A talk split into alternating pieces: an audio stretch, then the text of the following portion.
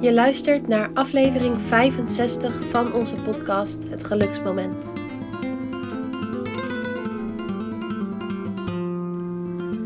Over wiens gedrag zou jij wel eens controle willen hebben? Je kind, zodat je zeker weet dat ze geen domme dingen doet? Je partner, zodat je zeker weet dat je haar kan vertrouwen? De neiging anderen te controleren hebben we allemaal. Bijna bij elk appje wat we sturen zit die neiging er wel achter. En het is logisch. We willen dat onze kinderen niet overkomt. We willen onszelf beschermen tegen pijn en verdriet. Maar je relatie gaat er vroeg of laat onder lijden. Ruzietjes, dingen achterhouden, het gevoel niet vrij jezelf te kunnen zijn. Deze aflevering gaat over vanuit je hart leven in contact met anderen. Hoe creëer je een ongedwongen relatie waarin je je veilig voelt zonder dat je de ander aan banden hoeft te leggen, te moet controleren?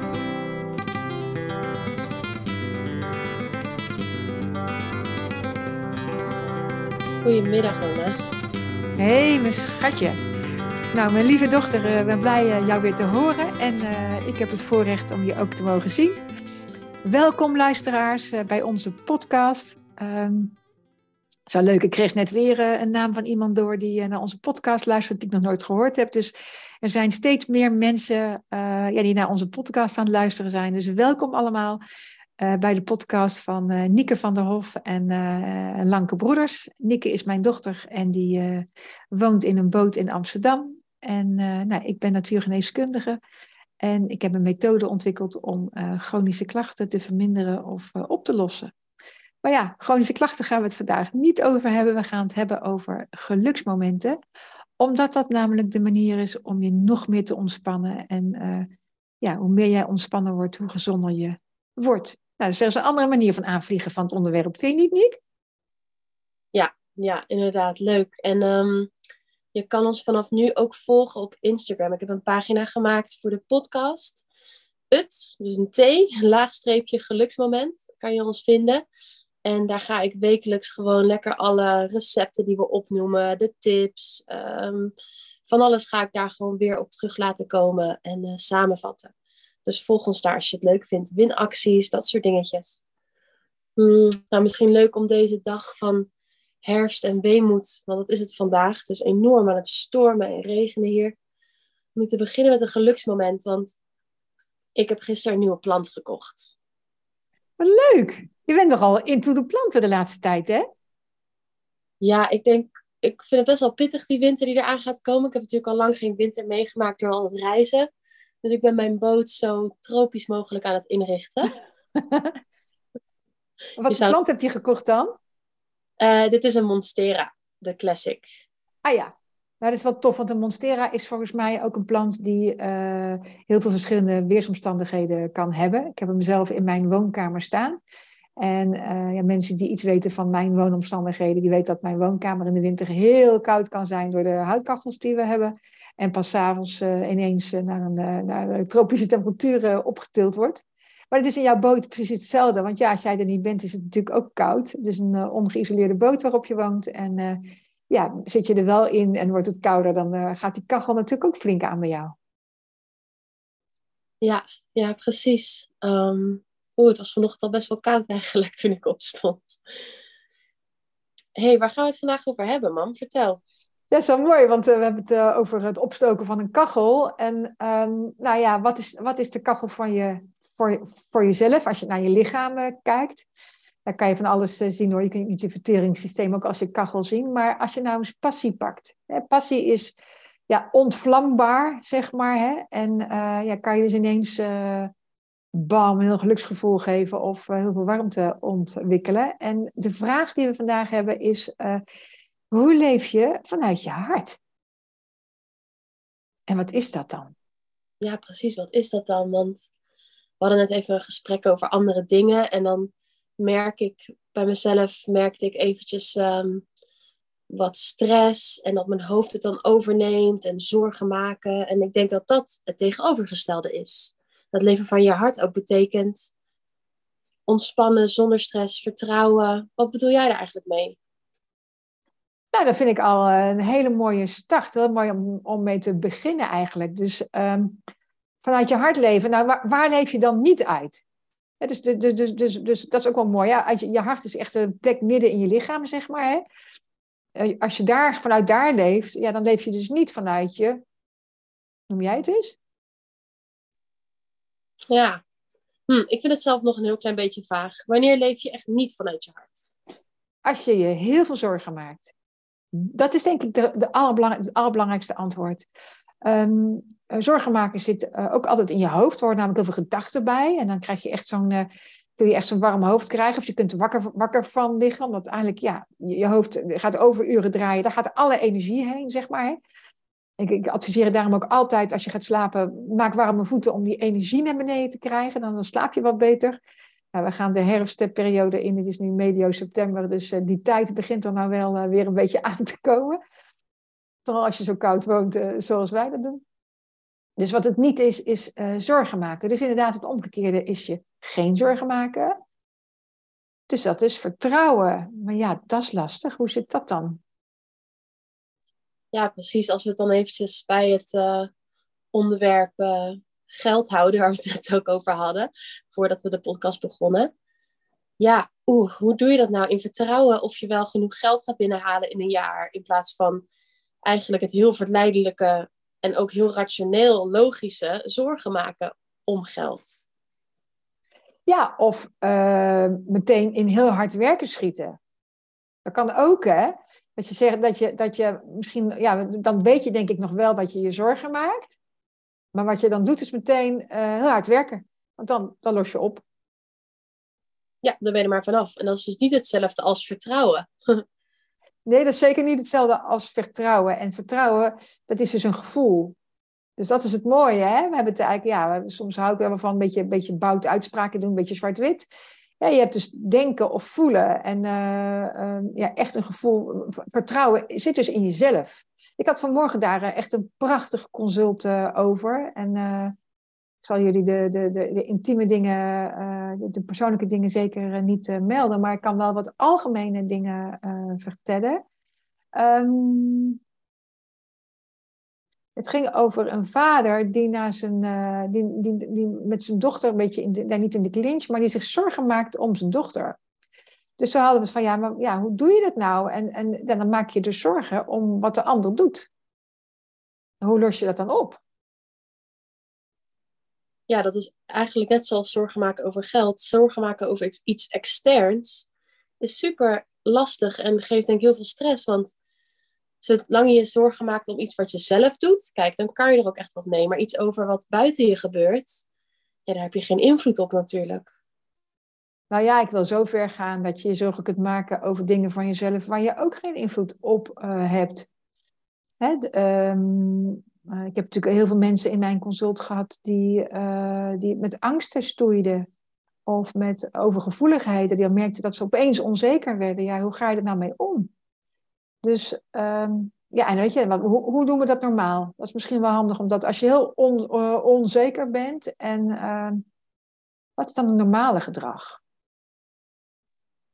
als je heel onzeker bent, ja, misschien een beetje verstoppen, de handdoek in de ring gooien.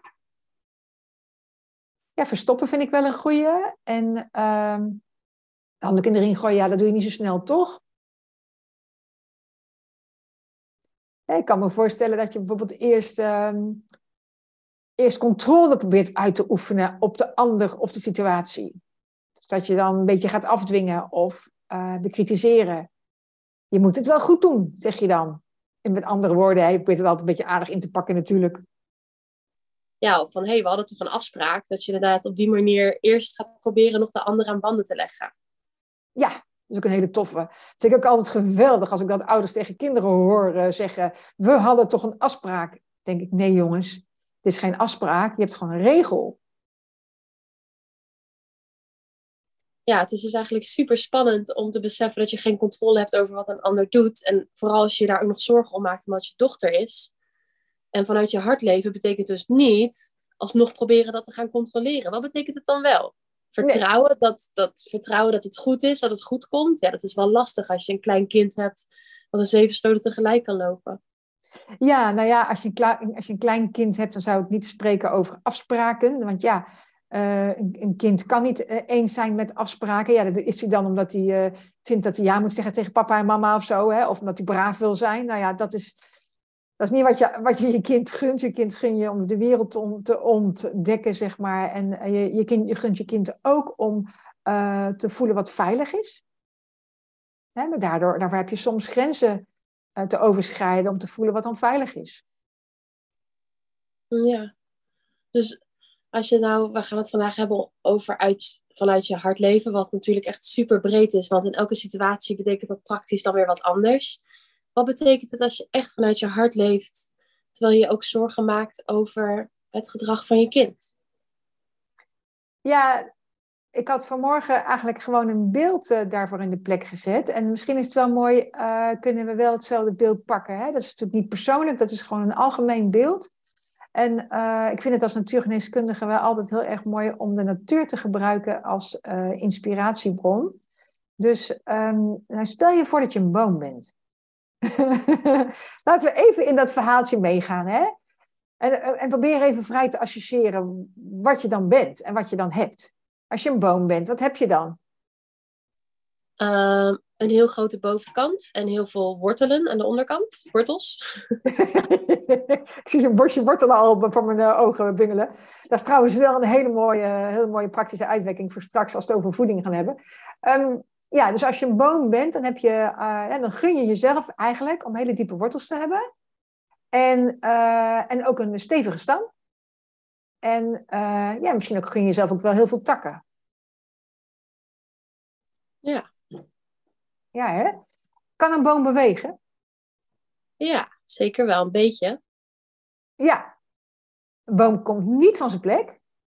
Maar hij kan wel, uh, ik zie dat hier natuurlijk op het terrein, we wonen midden in dat bos. En jeetje, wat kan het met wind? We kunnen die bomen toch hard, hard, hard uh, waaien. Dat is echt uh, bewegen natuurlijk. Want het is echt ongelooflijk hoeveel beweging er in een boom zit. Dat heb ik eigenlijk pas echt ja, geleerd of gezien sinds ik op dit terrein rondloop. En dat is echt heel tof, want al die tijd komt die boom dus niet van zijn plek. Ja, dus het, nou ja, dat is dan een visualisatie die eigenlijk gaat over wel meebewegen. Nou, ik weet niet zo goed. Ik weet niet zo goed. Hoe helpt het nou met vanuit je hart leven, terwijl je ook heel veel zorgen maakt over het gedrag van je kind? Ja, als je je uh, heel veel zorgen maakt, wat, um, wat wil je dan eigenlijk? Wat is je onderliggende behoefte? Ja, controle, veiligheid. Ja, dat het goed gaat met die ander. Dus je wil dat het goed gaat met die ander. En uh, liefst wil je misschien ook nog wel dat die ander geen sores heeft. Dus je wil eigenlijk dat die ander. Eigenlijk, ja, dan, misschien maak ik het dan te bout en te groot, maar jij bent hier altijd degene die het goed weer in, uh, in praktische proporties kunt krijgen. Dank daarvoor, dochter. Dus, um, maar eigenlijk, als je je zorgen maakt, dan wil je dat die ander geen pijn heeft. Um, uh, niet tegen nare dingen aanloopt. Je wil eigenlijk de pijn voor zijn. Ja, precies. Tenminste, dat kan ik me voorstellen dat het daarom gaat als het een ouder naar een kind toe betreft. Ja, misschien gaat dat ook wel uh, trouwens bij relaties of bij um, bij vrienden of zo? Heb jij dat, uh, ervaar je dat zelf? Stel je voor dat je... Mm, ja. Ja, soms wel of zo. Dat je misschien toen ik nog wat jonger was, dat je soms een vriendin iets van advies aan je vraagt en dat ze dan niet je advies opvolgt. En dan iets gaat doen waarvan je denkt, oh, dat is echt niet handig. En dat je dan zorgen gaat maken voor haar. Maar ik heb inmiddels toch wel ontdekt, ja, je weet het zelf nooit beter dan de ander per se. dat is alvast tof. Dat is een hele toffe ontdekking, omdat hij heel veel rust geeft. Maar uh, stel je voor dat je het wel beter weet dan die ander. Stel je voor dat je zoveel meer levenservaring hebt, dat je het wel weet. Of bewustzijn, of ontwikkeling, of zoiets. Ja, ja dat is natuurlijk die ouder-kindrol. Ja, maar ik kan me voorstellen dat, uh, dat jij dat ook uh, kunt, uh, kunt ervaren, omdat je ja, enorm gepokt en gemazeld bent in het werk wat we hier in, het Centrum voor Natuurgeneeskunde doen. Dus ook in de methode die ervoor staat. Dus je hebt al heel veel oplossingen gehoord en over dingen nagedacht waar heel veel mensen niet over nadenken. Ja, ja, dat klopt.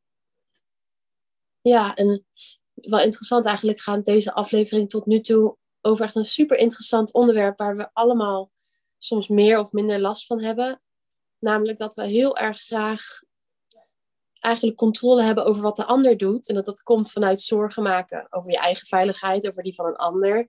Uh, vooral in relaties denk ik dat dat heel veel voorkomt ook. Van dat je eigenlijk zo onzeker bent over je eigen veilige positie misschien onderliggend. Dat je afspraken gaat maken met je vriend of vriendin over wat mag en wat mag niet. En uh, hoe laat zijn we thuis? Hoe vaak appen we elkaar? En ja, dat is iets wat in mijn kringen natuurlijk veel meer voorkomt. Want ik ken niet echt mensen met kinderen. Maar ik kan me voorstellen dat het daar ook enorm speelt. Die neiging om de ander ja, te kunnen controleren. Ja, dus als ik het even heel erg bout zeg, dan leven we allemaal vanuit de behoefte controle te hebben. Hè? Ja, ik zie jou knikken, ja. dus dat is wel waar. Ja. ja, en dat is ook heel erg logisch, want uh, je hebt geen controle over de ander. En als het iemand is die jouw veiligheid is, zoals jouw relatie, dan is het natuurlijk hartstikke eng, want je hebt je hart blootgesteld aan die persoon. En als het je kind is, ja, dan komen er zoveel hormonen vrij die willen dat dat een veilig volwassen mens wordt uiteindelijk. Ja, doodsangsten kan het opleveren natuurlijk. Ja. Ja, dus dat is grappig. Hè? Dus, uh, dus, dus uh, als we het hebben over. Even het bruggetje terugmaken, want dat is natuurlijk wel ingewikkeld. Als we het hebben over uh, vanuit je hart leven, dan hebben we het ook over wat het niet is. En wat het niet is, is dus ja, heel erg de energie in je liggen bij zorgen maken, verantwoordelijkheid hebben. Hè? Dus, dus nou, die, ander, die ander moet het ook goed doen. Dat is het allemaal niet. Dus uh, controle willen hebben is het ook niet. En eigenlijk, ja, wij noemen vaak die grote termen zoals nu controle, maar elk telefoontje wat je doet, elk gesprekje wat je doet, elk appje wat je doet en wat je maakt, ja, het meeste doen we eigenlijk vanuit controle. Ja, en een ander vertrouwen is ook bijna, ja, dat is voor heel veel mensen denk ik bijna onmogelijk voelt dat, om een ander echt helemaal blindelings te vertrouwen. Dat is nogal wat, vooral als het je kind is waar je doodsbang voor bent dat hij niet goed terechtkomt. Uh, waardoor ouders van die regels stellen, als jij uh, ateneum hebt afgerond, dan krijg je je rijbewijs. Weet je wel? Dat soort dingen. Dat komt natuurlijk allemaal vanuit het, ja, hoe heet dat? Um, niet vermogen, maar tegenovergestelde daarvan. Het onvermogen. Het onvermogen ja. um, om je kind blindelings te vertrouwen. Ja, maar dan ben ik even, dan gooi ik echt de knuppel in het hoenderhok uh, nu op dit moment. En dat is van, kun je een ander überhaupt vertrouwen? Uh, nee, want dan zit je dus nog steeds bij die ander en je kan alleen maar vertrouwen op wat je zelf doet en bent. Tenminste, daar zet je net ook al vraagtekens bij, maar ik bedoel meer van een ander, ja, dat kan je alleen maar laten. Want het is een ander. Ja, je kunt een ander eh, eh, eh, per definitie niet vertrouwen, omdat er altijd onverwachte dingen kunnen gebeuren. En er kunnen dingen gebeuren die je leuk vindt, die je vertrouwen juist bestendig, lijken te bestendigen. Maar er kunnen ook dingen gebeuren die niet leuk zijn, die je vertrouwen lijken te beschamen. Dus als jij afhankelijk bent van, van vertrouwen op de ander of op de situatie, ja, dan ben je wel een, een stuurloos schip eigenlijk ja, maar dat is dus wel, ja, wel lastig hoor. Want ik zie het bij heel veel vrienden, mensen om me heen. Dat die bijvoorbeeld van huis uit zo'n controlerende ouder hebben gehad. Wat echt heel gewoon is. Uh, want ja, ouders die weten het vaak ook wel beter als je echt heel jong bent. Uh, eerst naar links kijken als je de straat versteekt bijvoorbeeld. Ja, dat weet een kind nog niet. Um, maar dat ontwikkelt zich dan in, je krijgt je rijbewijs pas als je ateneem hebt. Of uh, bij je 21ste moet je uit huis zijn. Of, uh, en dat komt natuurlijk allemaal vanuit angst dat het kind niet goed terechtkomt. Er zit waarschijnlijk allemaal liefde achter. Maar ja, het is een allemaal controlerende rol. En dat is heel gewoon. Ja. ja, ik zeg ook zeker niet dat je niet je kind moet leren eerst naar links te kijken als je uh, als je de straat uh, oversteekt, doet me er trouwens aan denken dat ik zo'n moeder was die heel vaak door het rood uh, reed. En dan zeiden mensen, ja, je geeft wel een heel slecht voorbeeld. En toen zei ik al, was mijn remedie, was mijn, uh, sorry, mijn reactie ook altijd van, ehm, nou ja, ik weet niet of ik een slecht voorbeeld geef. Ik geef het voorbeeld dat je, dat je dus misschien niet altijd aan de regels houdt, maar ik geef ook een voorbeeld wel, namelijk hoe je veilig bent. Je moet namelijk altijd kijken. Ja, in plaats van blindelings vertrouwen op een stoplicht. ja, ja, precies. Dus dat is wel een van de, een van de, een van de antwoorden, is, uh, is kijken. Maar ja, dan zou je in de alertheidstand gaan uh, zitten. Hè, dus ik zeg, je kunt dus niet de ander niet, niet vertrouwen, omdat, je, uh, omdat hij altijd anders is dan jij. En je krijgt altijd maar een, maar een stukje van de informatie, niet helemaal. En iedereen heeft zijn eigen gedachtegang ergens bij, en zijn eigen normen en waarden en zijn eigen oplossingen. Dus ja, het hele plaatje zie je eigenlijk nooit. Dus dat, dat is altijd onverwachts. Um, dus dat betekent dat je, ja, in die zin uh, de ander nooit kunt vertrouwen. Maar je zelfvertrouwen is ook een lastige, omdat um, als je heel erg, uh, ja, heel erg slim bent en je bent heel veel aan, over dingen aan het nadenken en zo, dan kun je ook wel eens gebeuren dat jij opeens jezelf iets onverwachts ziet doen. Ken je dat van jezelf niet of niet? Ja, want we zijn natuurlijk wel heel erg gewend om altijd ons hoofd op alles te hebben. Maar soms dan doe je iets eventjes zonder erover na te denken. En dan kan je inderdaad soms van schrikken van, oh shit, ik had er even geen controle op zitten. Ja, en, en wij, weet je, wij hebben nog wel een keer een podcast gemaakt over, uh, ging het niet over uh, spontane opwellingen, weet ik weer, impulsen of zo, was dat ook weer niet? Mm -hmm, ja, impulsen. Ja, dat is ook een hele mooie podcast om uh, naar terug te kijken. Um, het, is, wel leuk, dan kan je trouwens in, de, in, je nieuwe Instagram-account kun je meteen die, andere, het andere nummer van die podcast noemen. Dus dat zou heel fijn zijn. Um, dus uh, ja, je kunt zelf ook overvallen worden door onverwachts gedrag van jezelf. En uh, ja, waar, van waaruit komt een impuls? Ja, toch een behoefte dat, die je lichaam op dat moment heeft. Ja, je zou het een onbewuste behoefte kunnen noemen. Uh, je kunt ook een onverwachts uh, gevoel noemen, uh, noemen. Kun je op gevoeligheid terechtkomen of niet? Ja, het, het, komt wel vanuit een gevoel. Soms heb je opeens het gevoel van... oh, eigenlijk heb ik hier en hier nu behoefte aan. Of eigenlijk voelt dit nu fijn. En dan heb je misschien al een planning gemaakt. Dus daar doen we een beetje op. Dat is dan een impuls wat we hier bedoelen. Ja, ja precies. Dus, dus je eigen gevoel, als het ware kan ook onverwachts uh, uh, zijn. En hè, kan je dus inderdaad heel anders laten handelen dan, um, ja, dan wat je eigenlijk denkt. Dus, dus, dus dat is eigenlijk wat. Hè, dus de ander kan onverwachte reacties vertonen, maar jij zelf kan ook onverwachte reacties vertonen. Ja, moet je dat dan allemaal maar niet vertrouwen of wel vertrouwen? Of hoe zit dat dan? Ja, want wat je hoofd eigenlijk tegen je zegt, waardoor je in die controlerende stand gaat, die laat je eigenlijk heel erg goed zien wat alle risico's zijn. Uh, je partner kan vreemd gaan. Ja, en dan is je hart aan het diggelen. Um, ja, hij kan zomaar, uh, weet ik veel, veel te veel drankjes drinken en zichzelf wat aandoen. En dan uh, is je hart ook aan het diggelen. Dus je hoofd laat eigenlijk heel erg goed zien waarom hij in de controlestand zou moeten staan om jou te beschermen. Ja, dus je hoofd laat je heel goed alle risico's zien. En, en, dat is ook, dit is ook logisch. Hè? Dat, zeg, dat zeg ik, ik hoor mensen dat heel vaak zeggen. Ja, maar dat is toch ook logisch? Dat is altijd wel tof. Want als iets logisch is, ja, is het dus per definitie uit je hoofd, vanuit je hoofd naar de wereld kijken. En vanuit je hoofd uh, ja, bezig zijn. En je handelen daar ook op willen richten. En dat kan. En zo kun je dus je rest van je leven doorgaan. En uh, ja, waarom zouden we dan uit ons hart willen leven? Wat is dat dan? Ja, ik vind het wel leuk om vandaag misschien te houden bij dit specifieke voorbeeld dan van gedrag van een ander willen controleren. Want ik denk dat dat echt al een heel onderwerp is. En dan verbreden we het in de komende afleveringen nog wel vanuit je hart leven. Want ik vind het eigenlijk wel heel interessant, omdat we het vaak ook niet van onszelf realiseren. Omdat het zo gewoon is. Mm -hmm. uh, ik ken heel veel mensen waarbij dan de man, trouwens allemaal Amerikaanse stellen hoor, de man heeft geen Instagram. Ja, is toch logisch, dat mag echt niet van mijn vrouw. Want dan gaat hij naar andere vrouwen zitten kijken straks of zo. ja, dus wat vroeg je eigenlijk ook alweer aan me net? Dat ben ik helemaal kwijt. Ik denk dat de luisteraar het misschien nog wel weet. Maar het, het, het, zet ons inderdaad op het spoor dat alles wat logisch is, dat dat dus inderdaad eigenlijk nog vanuit die controle is. En dat doet me denken aan de uitspraak die ik net in de consult heb, uh, heb gedaan van Einstein. Uh, als je doet wat je deed, dan krijg je wat je kreeg.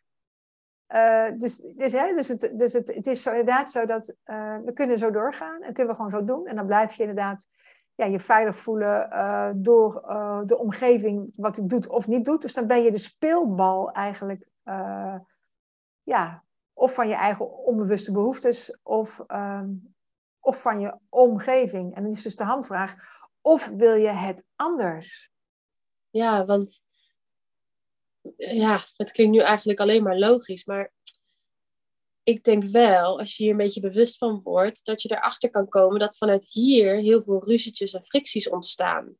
En dat dit wel invloed heeft op hoe goed jouw relatie met een ander is. Want als een ander jou vrijlaat, is dat voelbaar. En voel je ook meer liefde en meer, ja, meer vrijheid. Meer, je kan meer jezelf zijn. Uh, dus dat verstevigt ook een relatie. En dit werkt eigenlijk die relatie juist in het nauw. Ik bedoel, ik ken wel een stel bijvoorbeeld dat heel veel ruziet. Knijter veel ruziet. En zij zijn allebei ja, wat controlerend naar elkaar toe, omdat ze het allebei ook heel spannend vinden en heel veel onzekerheden hebben. Nou, de motivatie om van het controlerende gedrag af te stappen, om dat te onderzoeken en op te lossen, is denk ik wel groot als je dat verband ziet. Want constant wordt er geruzied. Nou, dat is echt vreselijk.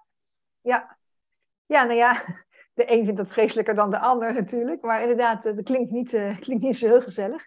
En met ruzie is ook maar of je dat zelf een probleem vindt, ja of nee. Hè? Dus, en, en wat zie je als ruzie? Um, uh, ook wel interessant onderwerp, een heel ander interessant onderwerp. Um, maar als je vertrouwen van de omgeving haalt, of inderdaad buiten je, dan moet je altijd alert zijn.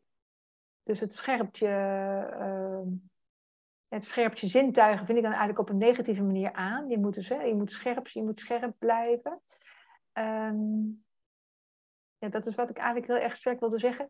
Ik wil nog wat zeggen, maar ik ben het echt helemaal vergeten, sorry. Ja, ja en met een partner of zo kan ik dit nog wel een beetje richting een oplossing brengen. Maar daar hebben we het dan zo nog wel over. Maar jeetje, als je kinderen hebt.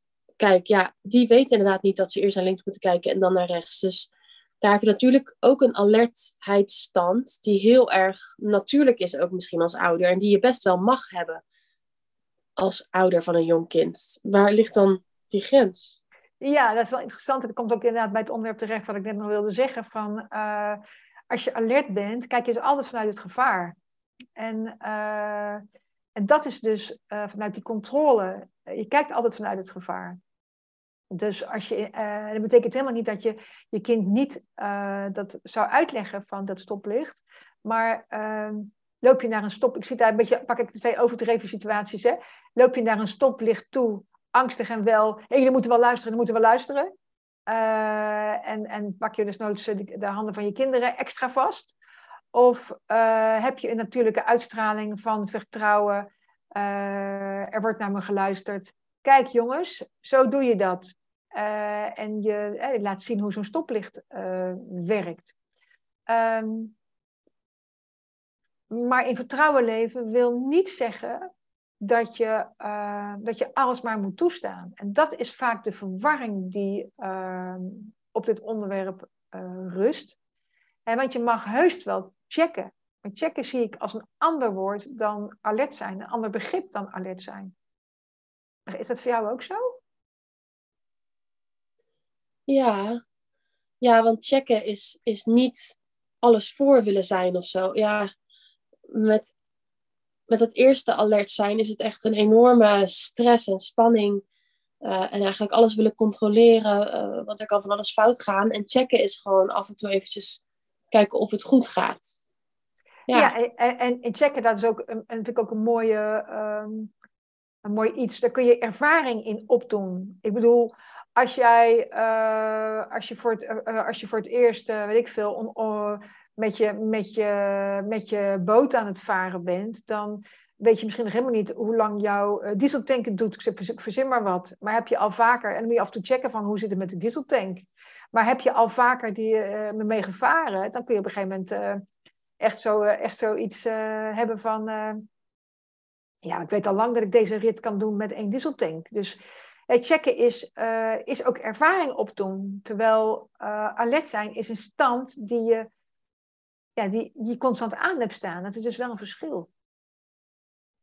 Ja, en wat het dan van je vraagt is dus ook, ja, want het is nou eenmaal wel zo dat er heel veel risico's zijn, maar ook gewoon beseffen dat je dat niet altijd in de hand hebt. Heel veel dingen heb je ook wel in de hand. Maar bijvoorbeeld een partner die vreemd gaat, dat heb jij niet per se in de hand. Sterker nog, dat werk je misschien wel in de hand als je heel controlerend je opstelt naar je partner. Want ja, vanuit zo'n gevoel van onvrijheid kan zoiets wel eens ontstaan bij iemand, een impuls om vreemd te gaan. Dat zie ik wel vaak om me heen.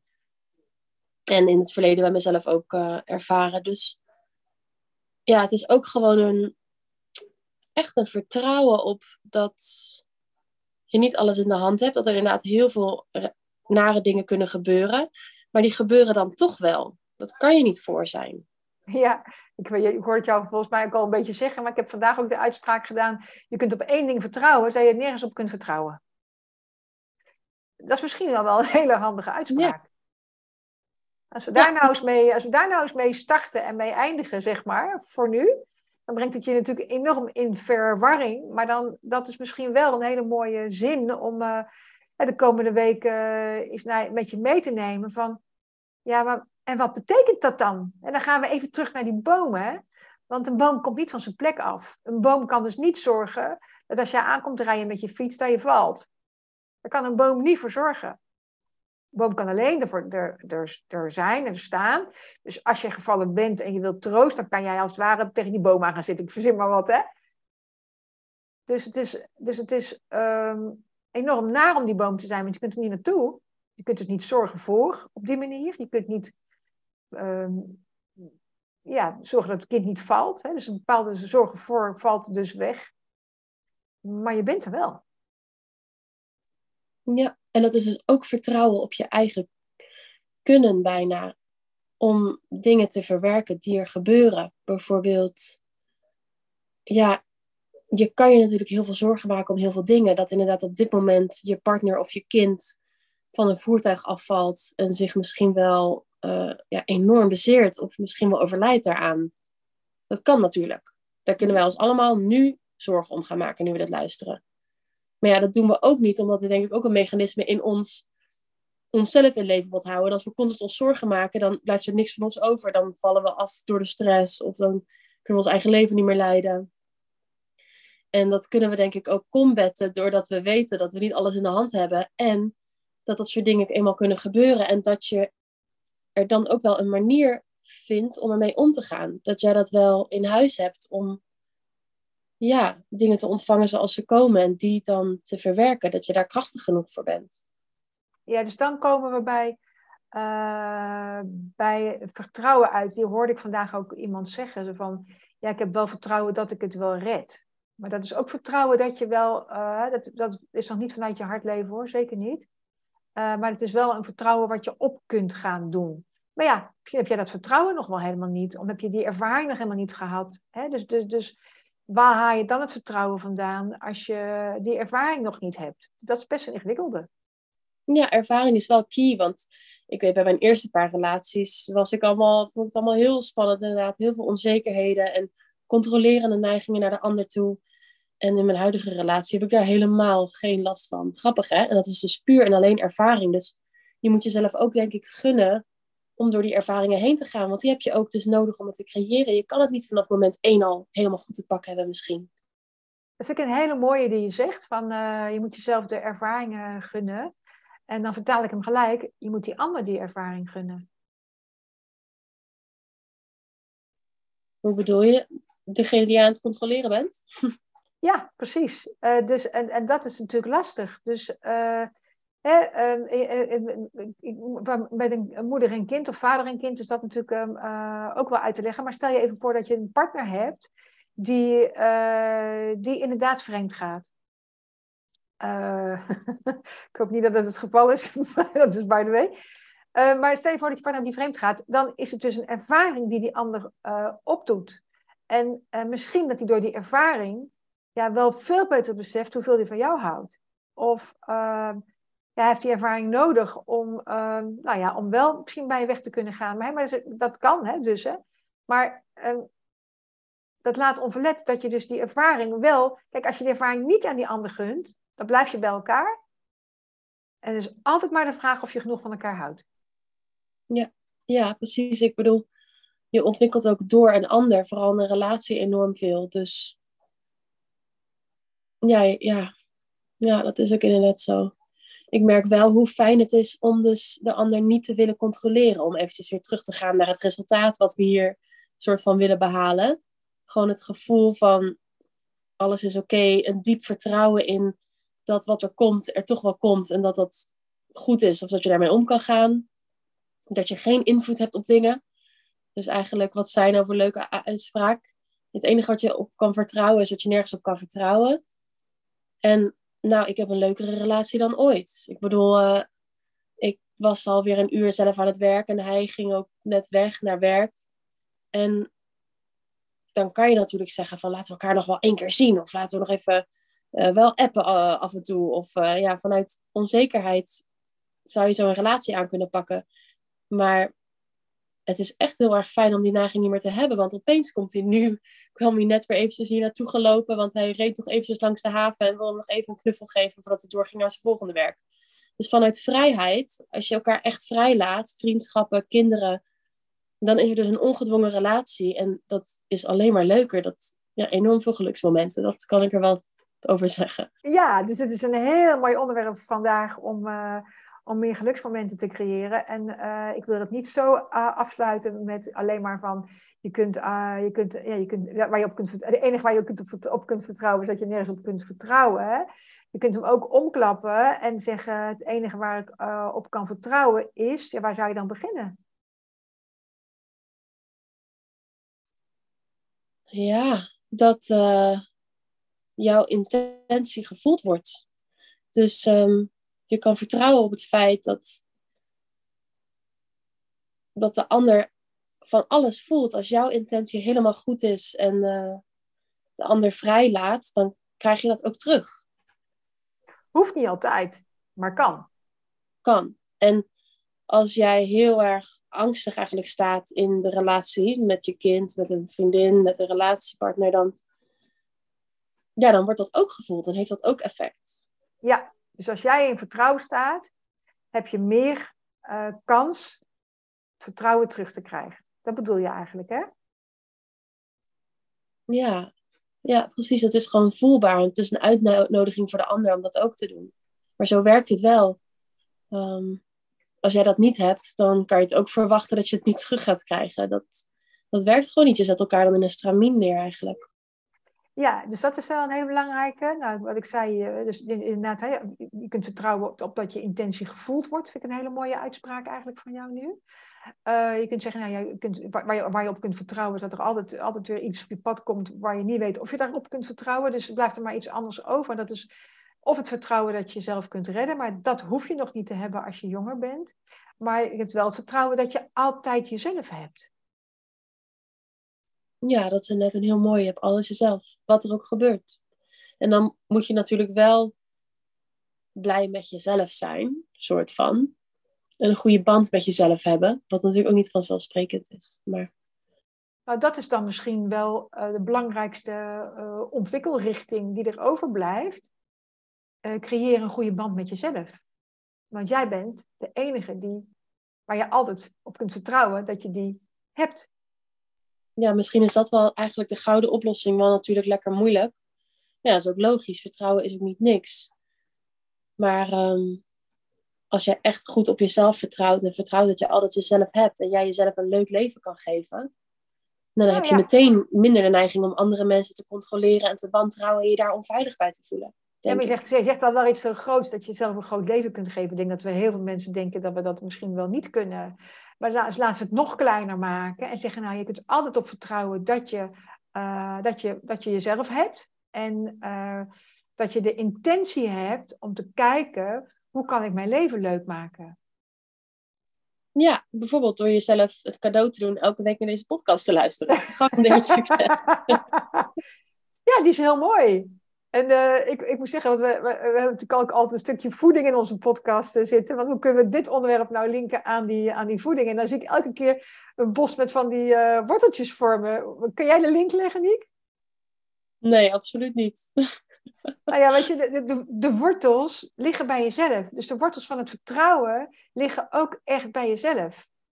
En dat wil niet zeggen dat je leven gelijk één, één grote bloeiende boom is, zullen maar zeggen. Want dat, je kunt nog aan het begin staan van je eigen bloei.